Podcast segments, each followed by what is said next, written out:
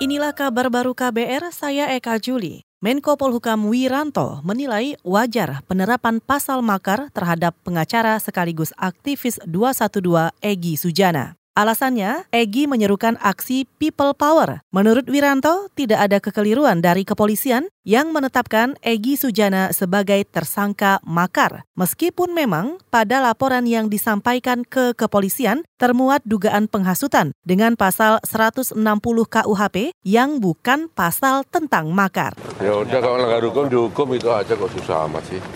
Ya kan semua semua orang tahu ya, siapa pun yang melanggar hukum dihukum ya. Ada hukum yang mengawal negeri ini.